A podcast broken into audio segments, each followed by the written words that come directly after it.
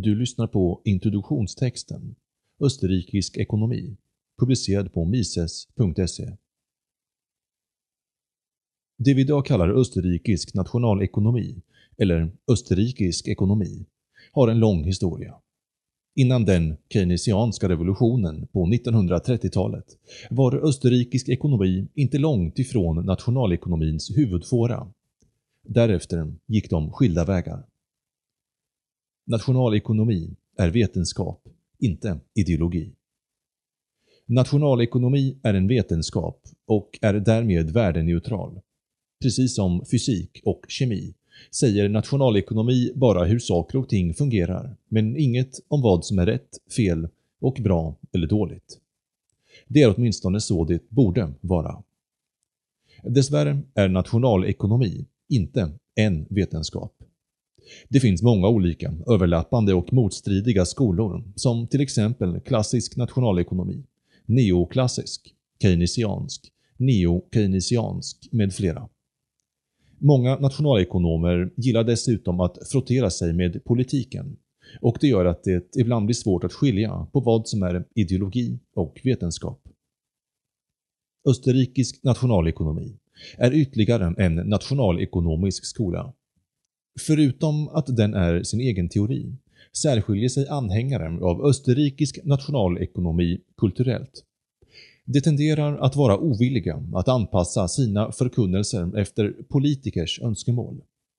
De håller sig hellre till sin egen vetenskap än uppfinner teorier som kan ursäkta politisk inblandning i ekonomin. Ludwig von Mises själv sa i slutet av sitt liv att det enda han ångrar är att han inte varit ännu mer oresonlig. Oviljan att vara med och ursäkta politiska ingrepp gör att österrikisk ekonomi har fått ryktet att vara en frimarknadsideologi. Men så är det alltså inte. Det är ingen ideologi. Den hävdar inte att man ska ha fria marknader och låga skatter, men den talar om vad som händer när man har det och när man inte har det. Av ideologiska eller populistiska skäl kan regenter till exempel vilja ha tullar minimilöner och hyresregleringar. Österrikisk ekonomi har inga invändningar, utan förklarar bara att tullar kommer att omfördela välstånd från importörer till exportörer. Minimilöner kommer att orsaka högre arbetslöshet och hyresregleringar kommer att skapa bostadsbrist. Ekonomisk teori ställer lika gärna upp och förklarar varför frihandel leder till välstånd, som varför socialism leder till fattigdom österrikisk ekonomi och libertarianism. När man förstått österrikisk ekonomi inser man att staten inte kan förbättra ekonomin utan bara omfördela och förslösa. Då är det lätt hänt att man blir frimarknadsförespråkare eller rent av libertarian. Som kontrast mot den österrikiska ekonomiska vetenskapen är libertarianism en moralfilosofi, en ideologi.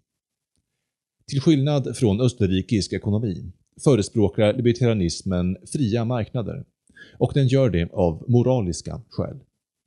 Kombinationen österrikisk ekonomi och libertarianism brukar kallas austro-libertarianism. En inblick i österrikisk ekonomi. Här är några insikter som österrikiska ekonomer brukar framhålla och som brukar vara på tvärs med vad alla vet. 1. Arbetslöshet är en politisk konstruktion som orsakas av arbetsmarknadspolitik. Det finns alltid oändligt med arbete som behöver utföras. 2. När personer frivilligt handlar med varandra så gör båda det för att de anser sig vinna på det. Ingen blir utnyttjad. Det är möjligt att någon part i efterhand ångrar sig eller visar sig ha blivit bedragen, men det är inte en fråga om ekonomiskt handlande. 3. Samma när en person lönearbetar för en annan. Båda parter i avtalet anser sig vinna på det. I efterhand är det möjligt att arbetsgivaren eller arbetstagaren känner sig besviken, men det är en annan fråga. 4. Staten kan inte objektivt förbättra ekonomin. Den kan enbart omfördela från vissa och ge till andra. 5. De flesta monopol skapas av statliga regleringar. 6. Det finns ingen objektiv anledning att ha full sysselsättning som mål, men högre sysselsättning ökar inflödet till Skatteverket. 7. Ekonomisk tillväxt påverkas av hur mycket folk vill jobba kontra göra annat i livet. Det finns ingen anledning att försöka stimulera fram tillväxt artificiellt. 8. Politiskt stimulerad tillväxt är inte gratis. Det är en form av omfördelningspolitik. 9. Välfärdsstaten skapar fattigdom. 10. Riksbanken bekämpar inte inflation, den orsakar den. 11. Priser stiger inte på grund av giriga kapitalister och arbetare som vill ha högre lön, utan på grund av Riksbankens inflationspolitik. 12. Inflationsmålet är omfördelningspolitik från fattiga till rika. 13. Riksbankens 2-procentiga inflationsmål är orsaken till våra finanskriser. 14. Man kan inte skapa välstånd eller rädda ekonomin genom att trycka pengar eller sänka räntan. 15. Svängningar mellan hög och lågkonjunktur orsakas av statens centralbank. En lågkonjunktur löser sig själv. Ju mindre statlig inblandning, desto fortare går den över. 16. Centralbanker är inte nödvändiga och kan avskaffas. 17. Penningväsendet kan vara oberoende av staten. 18. Import är inte negativt för ekonomin. Det är lika viktigt som export. 19. Ju mindre en nation är, desto mer är dess välstånd beroende av export och import. 20. En stark valuta är tecken på en välfungerande ekonomi och inget hinder för export. 21.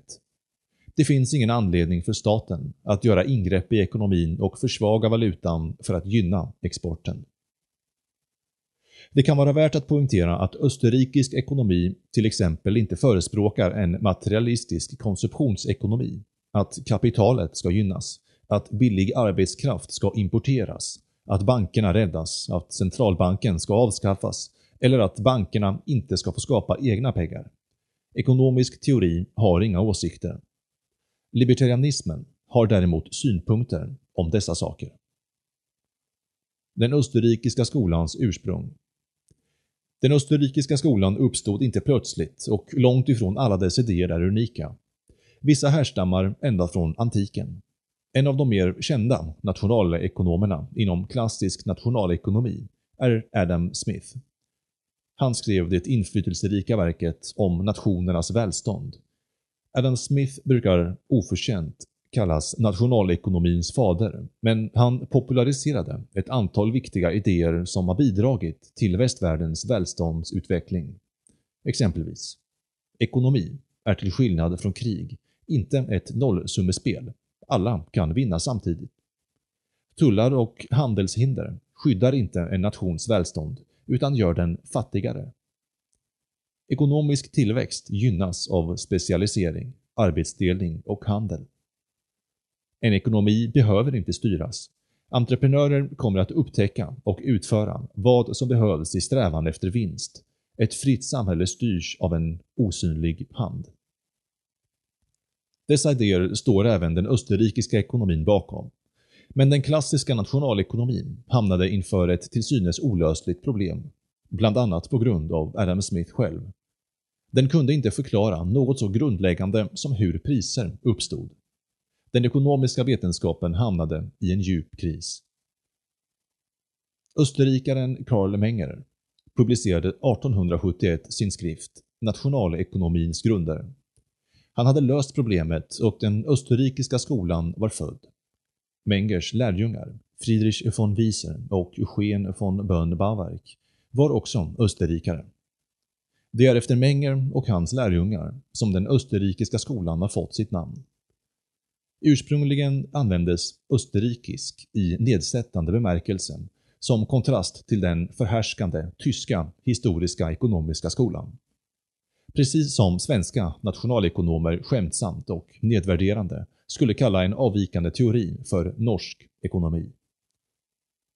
Prisbildningens gåta Det fanns huvudsakligen två sätt att se på prisbildning inom klassisk nationalekonomi.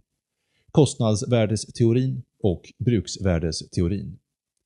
Förutom att det var bristfälliga förklaringar av verkligheten var de lika oförenliga som kvantmekanik och relativitetsteori. Kostnadsvärdesteorin. Det här är en kvantitativ modell. Den säger att produktens pris är summan av produktionsfaktorernas kostnader. Inom klassisk ekonomi delade man upp produktionsfaktorerna i kategorierna jord, arbete och kapital. Priset blir summan av kostnaderna för jord, arbete och kapital, det vill säga råvaror, löner och vinst till fabriksägaren. Om varorna kostar 50, lönerna 30 och fabriksägaren kräver 20 i vinst kommer slutprodukten kosta 50 plus 30 plus 20, det vill säga 100. Man inser ganska lätt att den här pristeorin inte håller. Visst kan producenten sätta prislappen 100 på varan, men vad är det som säger att den går att sälja för 100? Eller varför inte för mer än 100? Vad kapitalisten vill ha betalt för varan är inte detsamma som vad priset faktiskt blir. Den här teorin kan alltså inte förklara verkliga priser. Teorin förutsätter också att priset på faktorerna är känt. Men hur vet man om priset på arbete är 150 eller 2000 per timme? Och hur förklarar man priset på ursprungliga råvaror? Även om teorin förklarar att en järnplåt kostar 25 plus 15 plus 10 och 50 per kilo. Hur förklarar man varför järnet, som någon tagit direkt ur naturen och saknar produktionshistoria, kostar 25 per kilo? Arbetsvärdesteorin. Ett specialfall av kostnadsvärdesteori. Kostnadsvärdesteorin har orsakat enormt lidande för mänskligheten. Den säger att priset på en vara måste bli högre ju mer arbete som krävs för att tillverka den. Om man då fokuserar på arbetet och bortser från jord och kapital övergår kostnadsvärdesteorin i vad som kallas arbetsvärdesteorin. Därifrån är steget inte långt att hävda att arbetarna ska ha rätt till sin rättmätiga andel av slutproduktens pris. Arbetsvärdesteorin är en grundbult i den kommunistiska bekännelsen och har miljontals människors liv på sitt samvete. Det är ingen liten historisk ironi att Marx tog grunden till sin ekonomiska teori från frimarknadsekonomen Adam Smith. Hur ska sedan arbetarnas rättmätiga andel fördelas? Rimligen i enlighet med den arbetstid var och en har bidragit med. Vår tids diskussioner om lönegap mellan män och kvinnor, liksom krav på lika lön för lika arbete, följer i rakt nedstigande led från arbetsvärdesteorin. Felaktiga ekonomiska idéer får katastrofala följder. Det lämnas som övning åt läsaren att bevisa att arbetsvärdesteorin är lika falsk som kostnadsvärdesteorin den är sprungen ur. Bruksvärdesteorin den andra huvudsakliga pristeorin är bruksvärdesteorin. Ett problem för kostnadsvärdesteorin är att eftersom priset enbart bestäms av hur varan producerats kan den inte förklara varför priset i verkligheten kan variera med omständigheterna. Ett och samma glas vatten kan säljas för en förmögenhet i en öken, men inte ens ges bort gratis intill en källa. Bruksvärdesteorin tar fasta på varans nytta och säger att priset bestäms av hur mycket nytta den ger. Ett glas vatten gör mer nytta i öknen än vid en källa och kommer därför att vara dyrare. Det är en kvalitativ teori den säger bara om något kommer vara dyrare eller billigare, men inte exakt vad priset kommer bli. Tyvärr är även bruksvärdesteorin ofullständig. Den kan till exempel inte förklara varför en vacker men onyttig diamant kostar mer än ett glas livsnödvändigt vatten. Prissättningens problem tycktes olösligt och drev nationalekonomer till vansinne. Somliga ledsnade, övergav den ekonomiska vetenskapen och ägnade sig åt annat. Karl Menger löser gåtan. Som ekonomijournalist var Karl Menger van vid att studera priser. I sitt dagliga arbete studerade han börskurser, alltså prissättning av aktier. Han observerade att priser inte alls uppstår på det sätt som akademiker föreställer sig. Han funderade över de konkreta orsakerna och mekanismer som ger upphov till verkliga priser. Han sökte alltså en kausalrealistisk modell. Genom att vidareutveckla bruksvärdesteorin, vända kostnadsvärdesteorin bak och fram och foga ihop delarna lyckades han lösa gåtan. Från bruksvärde. Bruksvärdesteorin kretsar kring nytta. Bättre är att tala om värde. Det är mindre laddat. En varas värde är en icke kvantifierbar, subjektiv grad av hur mycket man vill ha den. Huruvida man har praktisk nytta av den eller ej är oväsentligt för ekonomiska resonemang. Det är uppenbarligen möjligt att värdera en diamant högre än ett glas vatten, trots att den praktiska nyttan är mindre. För ekonomiska resonemang behöver man inte veta varför någon värderar en vara på ett visst sätt. Även om man kan sätta fel tal på psykologiska upplevelser kan värden jämföras. Att värdera y högre än x innebär att man skulle ge bort x för att få y. Avtagande marginalnytta. En av Karl Mengers stora insikter var att nytta, eller värde, avtar på marginalen. Det innebär att man kommer att värdera nästa exemplar av en vara lägre än det föregående. Ett första äpple är man villig att betala 10 snäckor för, nästa äpple 5 snäckor, därefter bara en snäcka och slutligen vill man inte ha fler äpplen, än som man får dem gratis. Lagen om den avtagande marginalnyttan kan ses som en vidareutveckling av bruksvärdesteorin. Den har utökats till att inte bara jämföra nyttan mellan två olika varor, x och y, utan till att jämföra nyttan mellan x och ytterligare ett x. Nationalekonomerna William Stanley Givons i England och Leon Valras i Schweiz upptäckte den avtagande marginalnyttan ungefär samtidigt som Menger, men de försökte formulera förhållandet i matematiska termer.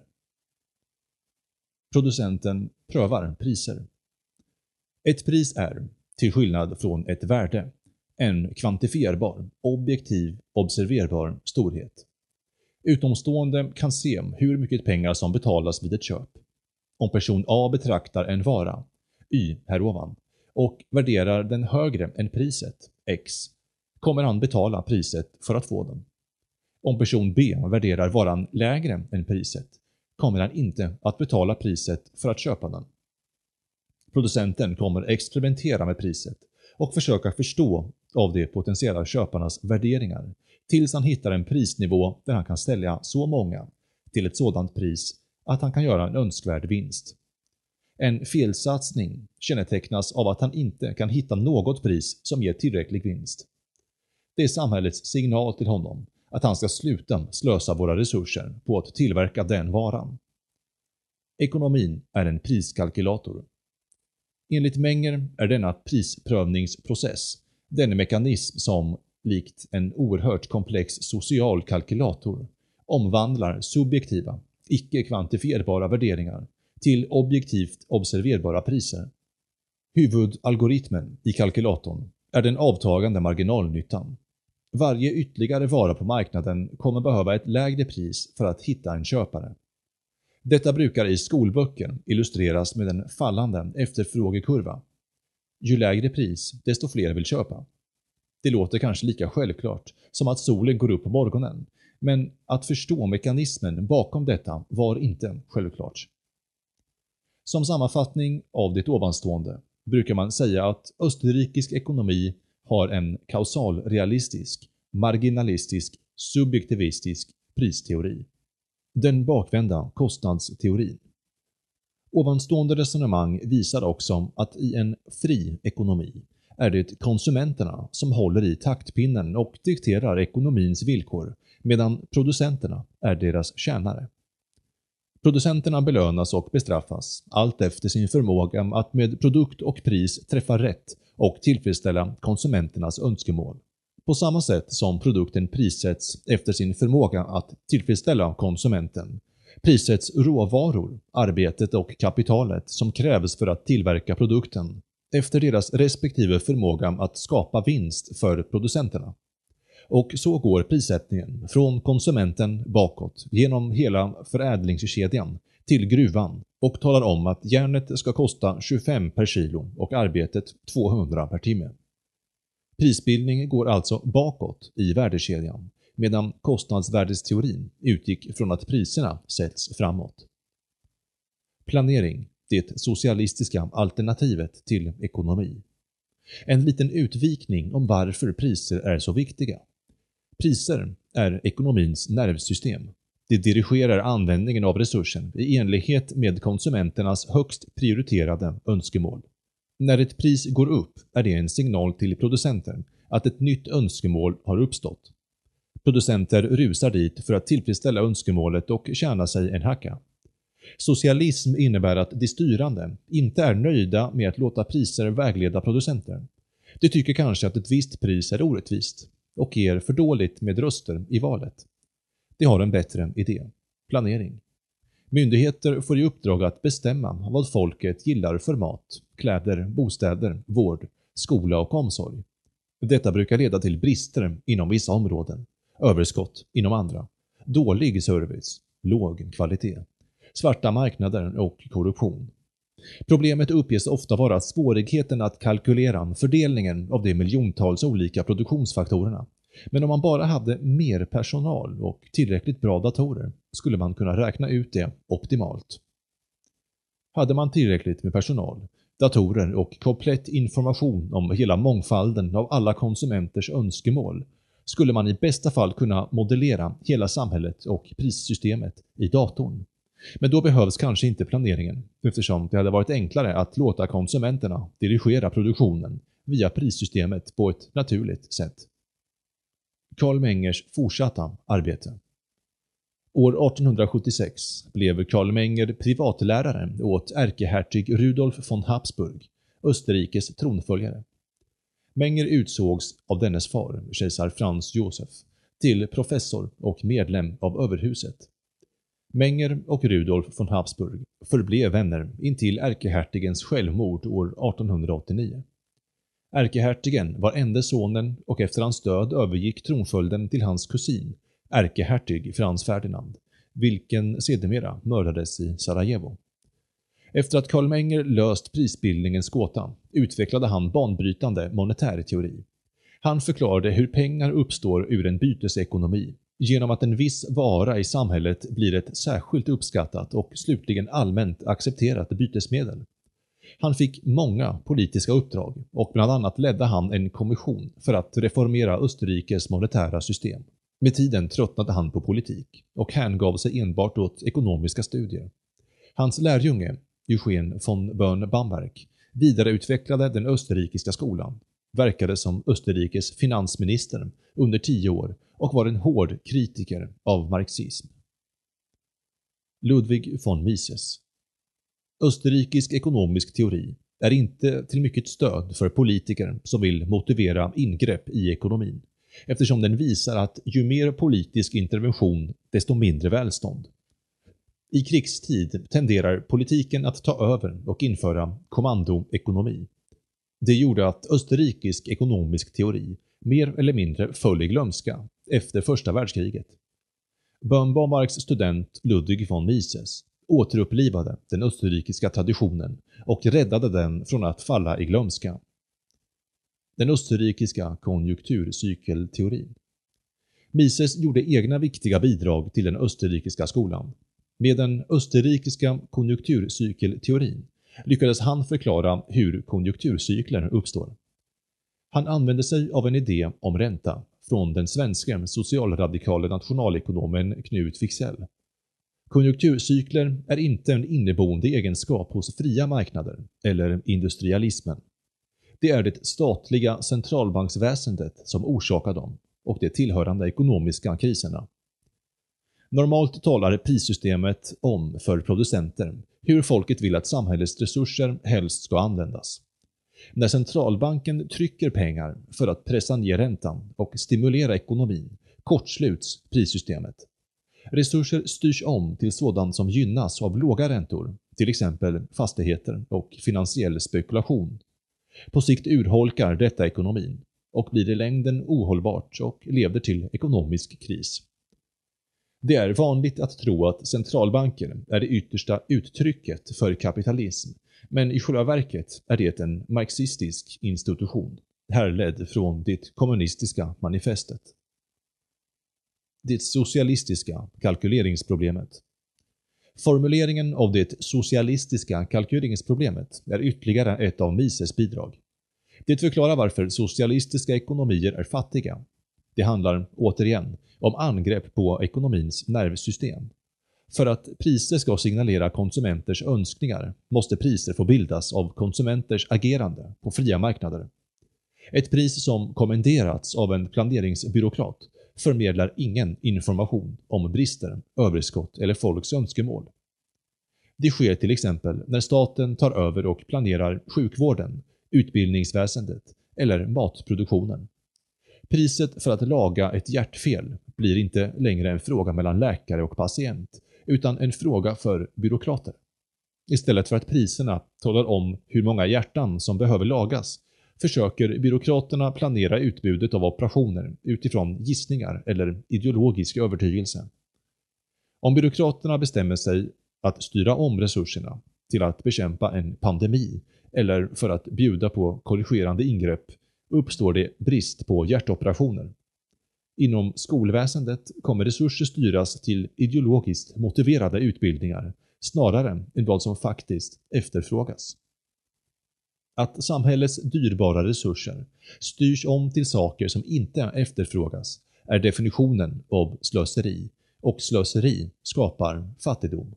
Några egenskaper hos österrikisk ekonomi. Den som läst nationalekonomi på universitet kommer i den österrikiska skolan både känna igen sig och inte. Den gängse presentationen av nationalekonomi på universitet tenderar idag att blanda vetenskapen med socialdemokratisk ideologi. Citat.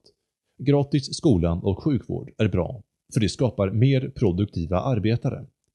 Centralbanken bör hålla inflationen över noll. Marknaderna bör vara fria för det gynnar ekonomisk tillväxt, men inte alltför fria, för då uppstår sociala klyftor.” Slutcitat. Det är värt att peka ut några egenskaper hos österrikisk ekonomi som skiljer sig från typisk samtida nationalekonomi. Rationalitet.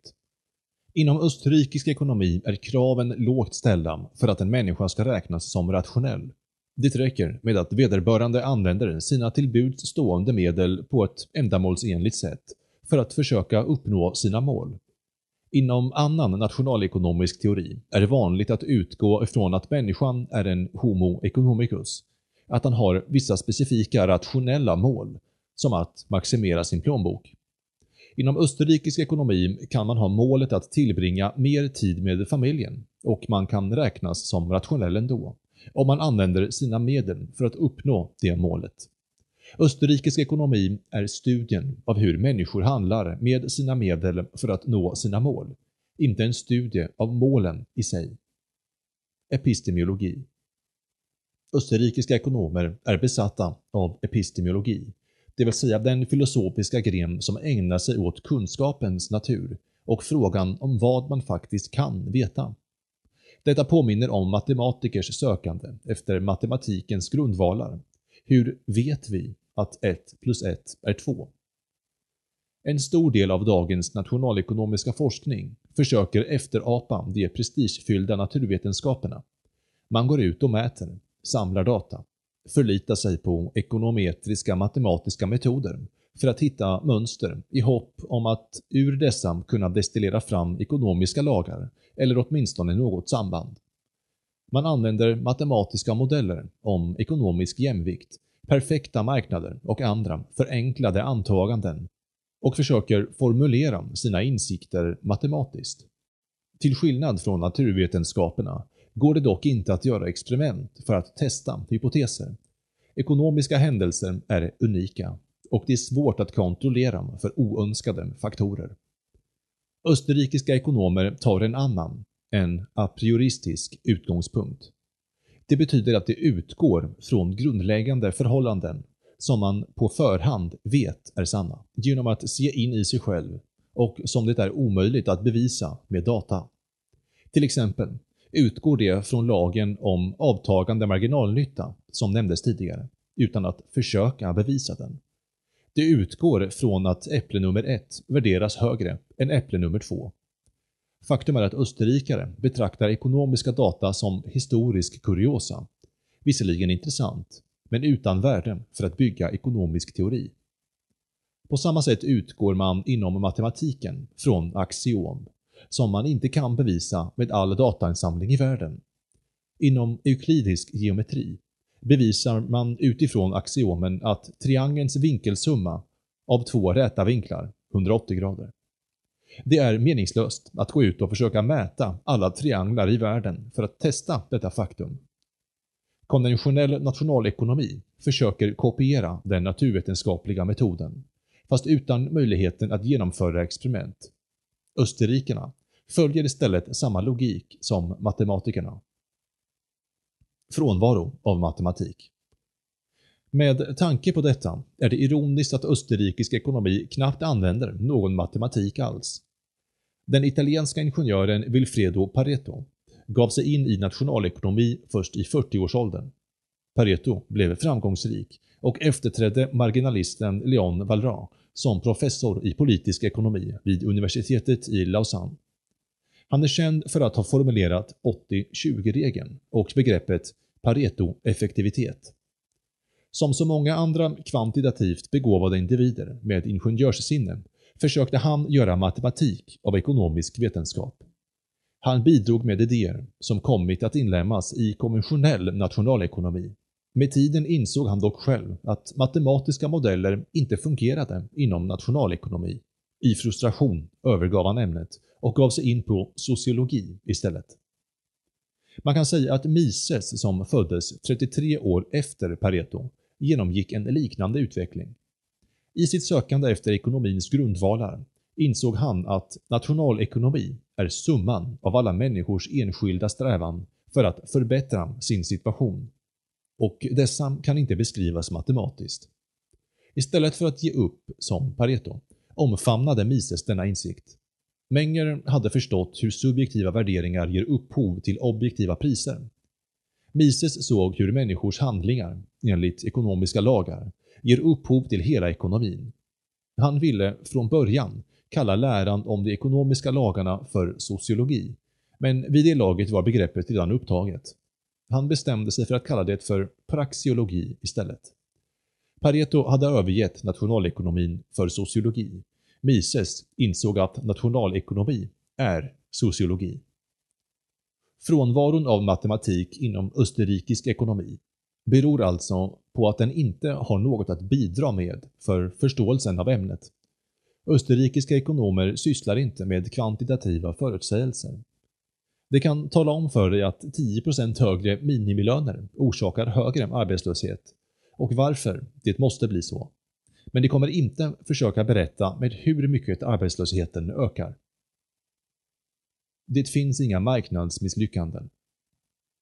Österrikiska ekonomer ägnar sig inte gärna åt att motivera och ursäkta politiska ingrepp i ekonomin. Detta är antagligen en bidragande faktor till att skattefinansierade akademier sällan är intresserade av att lära ut de österrikiska perspektiven. En populär syssla på akademierna är att hitta och undersöka så kallade marknadsmisslyckanden och formulera politik för vad beslutsfattare bör göra för att råda bot på dem. Exempel på marknadsmisslyckanden kan vara trafikstockning eller miljöföroreningar.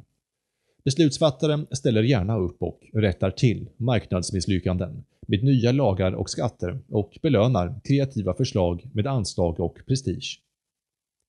Inom österrikisk ekonomi finns inga marknadsmisslyckanden. Den så kallade marknaden är inget annat än summan av alla individuella handlingar. Människors handlingar är vad de är och kan inte klassas som ett misslyckande. Dessutom kan nästan alla ekonomiska fenomen som brukar kallas marknadsmisslyckanden härledas till tidigare politiska ingrepp. Marknader duger som de är. Ett annat exempel är idén om perfekta marknader. Den är ett förenklat antagande om marknader som används som utgångspunkt för många nationalekonomiska teorier. Ett av kriterierna för en perfekt marknad är att alla aktörer har tillgång till samma information samtidigt. Så är det givetvis inte på riktiga marknader. Men idén har fått ett eget liv och i vissa kretsar förvandlats till ett ideal om hur marknader ska vara. Med utgångspunkt från detta ideal kan man förespråka att statens uppgift är att se till att marknader är transparenta, att konsumenter skyddas och att finansmarknadens aktörer tvingas uppföra sig för att upprätthålla allmänhetens förtroende. Detta skapar en hel del jobb i de akademiska och politiska branscherna. Inom österrikisk ekonomi betraktas ekonomin som en ständigt pågående process.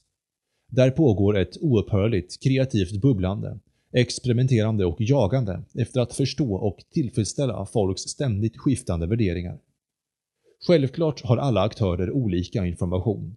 Det driver utvecklingen framåt. Med det synsättet blir det meningslöst att tala om imperfekta marknader eller om åtgärder för att förbättra dem. Österrikiska ekonomer försöker förstå marknadsprocesser, men de har inga åsikter om huruvida de är bra eller dåliga. Alla har nytta av österrikisk ekonomi. Österrikisk ekonomi är ett kraftfullt verktyg för att förstå samhället idag, analysera historiska skeenden samt utvärdera framtida konsekvenser av politiska förslag. Exempelvis, en investerare har nytta av österrikisk ekonomisk teori för att förstå konjunkturcykler och bubblor. Föräldrar har nytta av att kunna utvärdera huruvida ett nytt politiskt förslag försvårar livspusslet. En sjukvårdsbyråkrat kan lära sig att ju mer han släpper prissystemet fritt, desto effektivare fungerar verksamheten. En historiker kan få nya ledtrådar till historiska skeenden genom att förstå hur inflation skapas och orsakar ekonomiska klyftor och social oro. En vänsterpartist kan lära sig hur det centralbankssystem han förespråkar omfördelar välstånd från arbetare till kapitalet. En punkrockare kan använda det för att förstå exakt hur staten och kapitalet sitter i samma båt. Välkommen till Mises-institutet för att lära dig mer.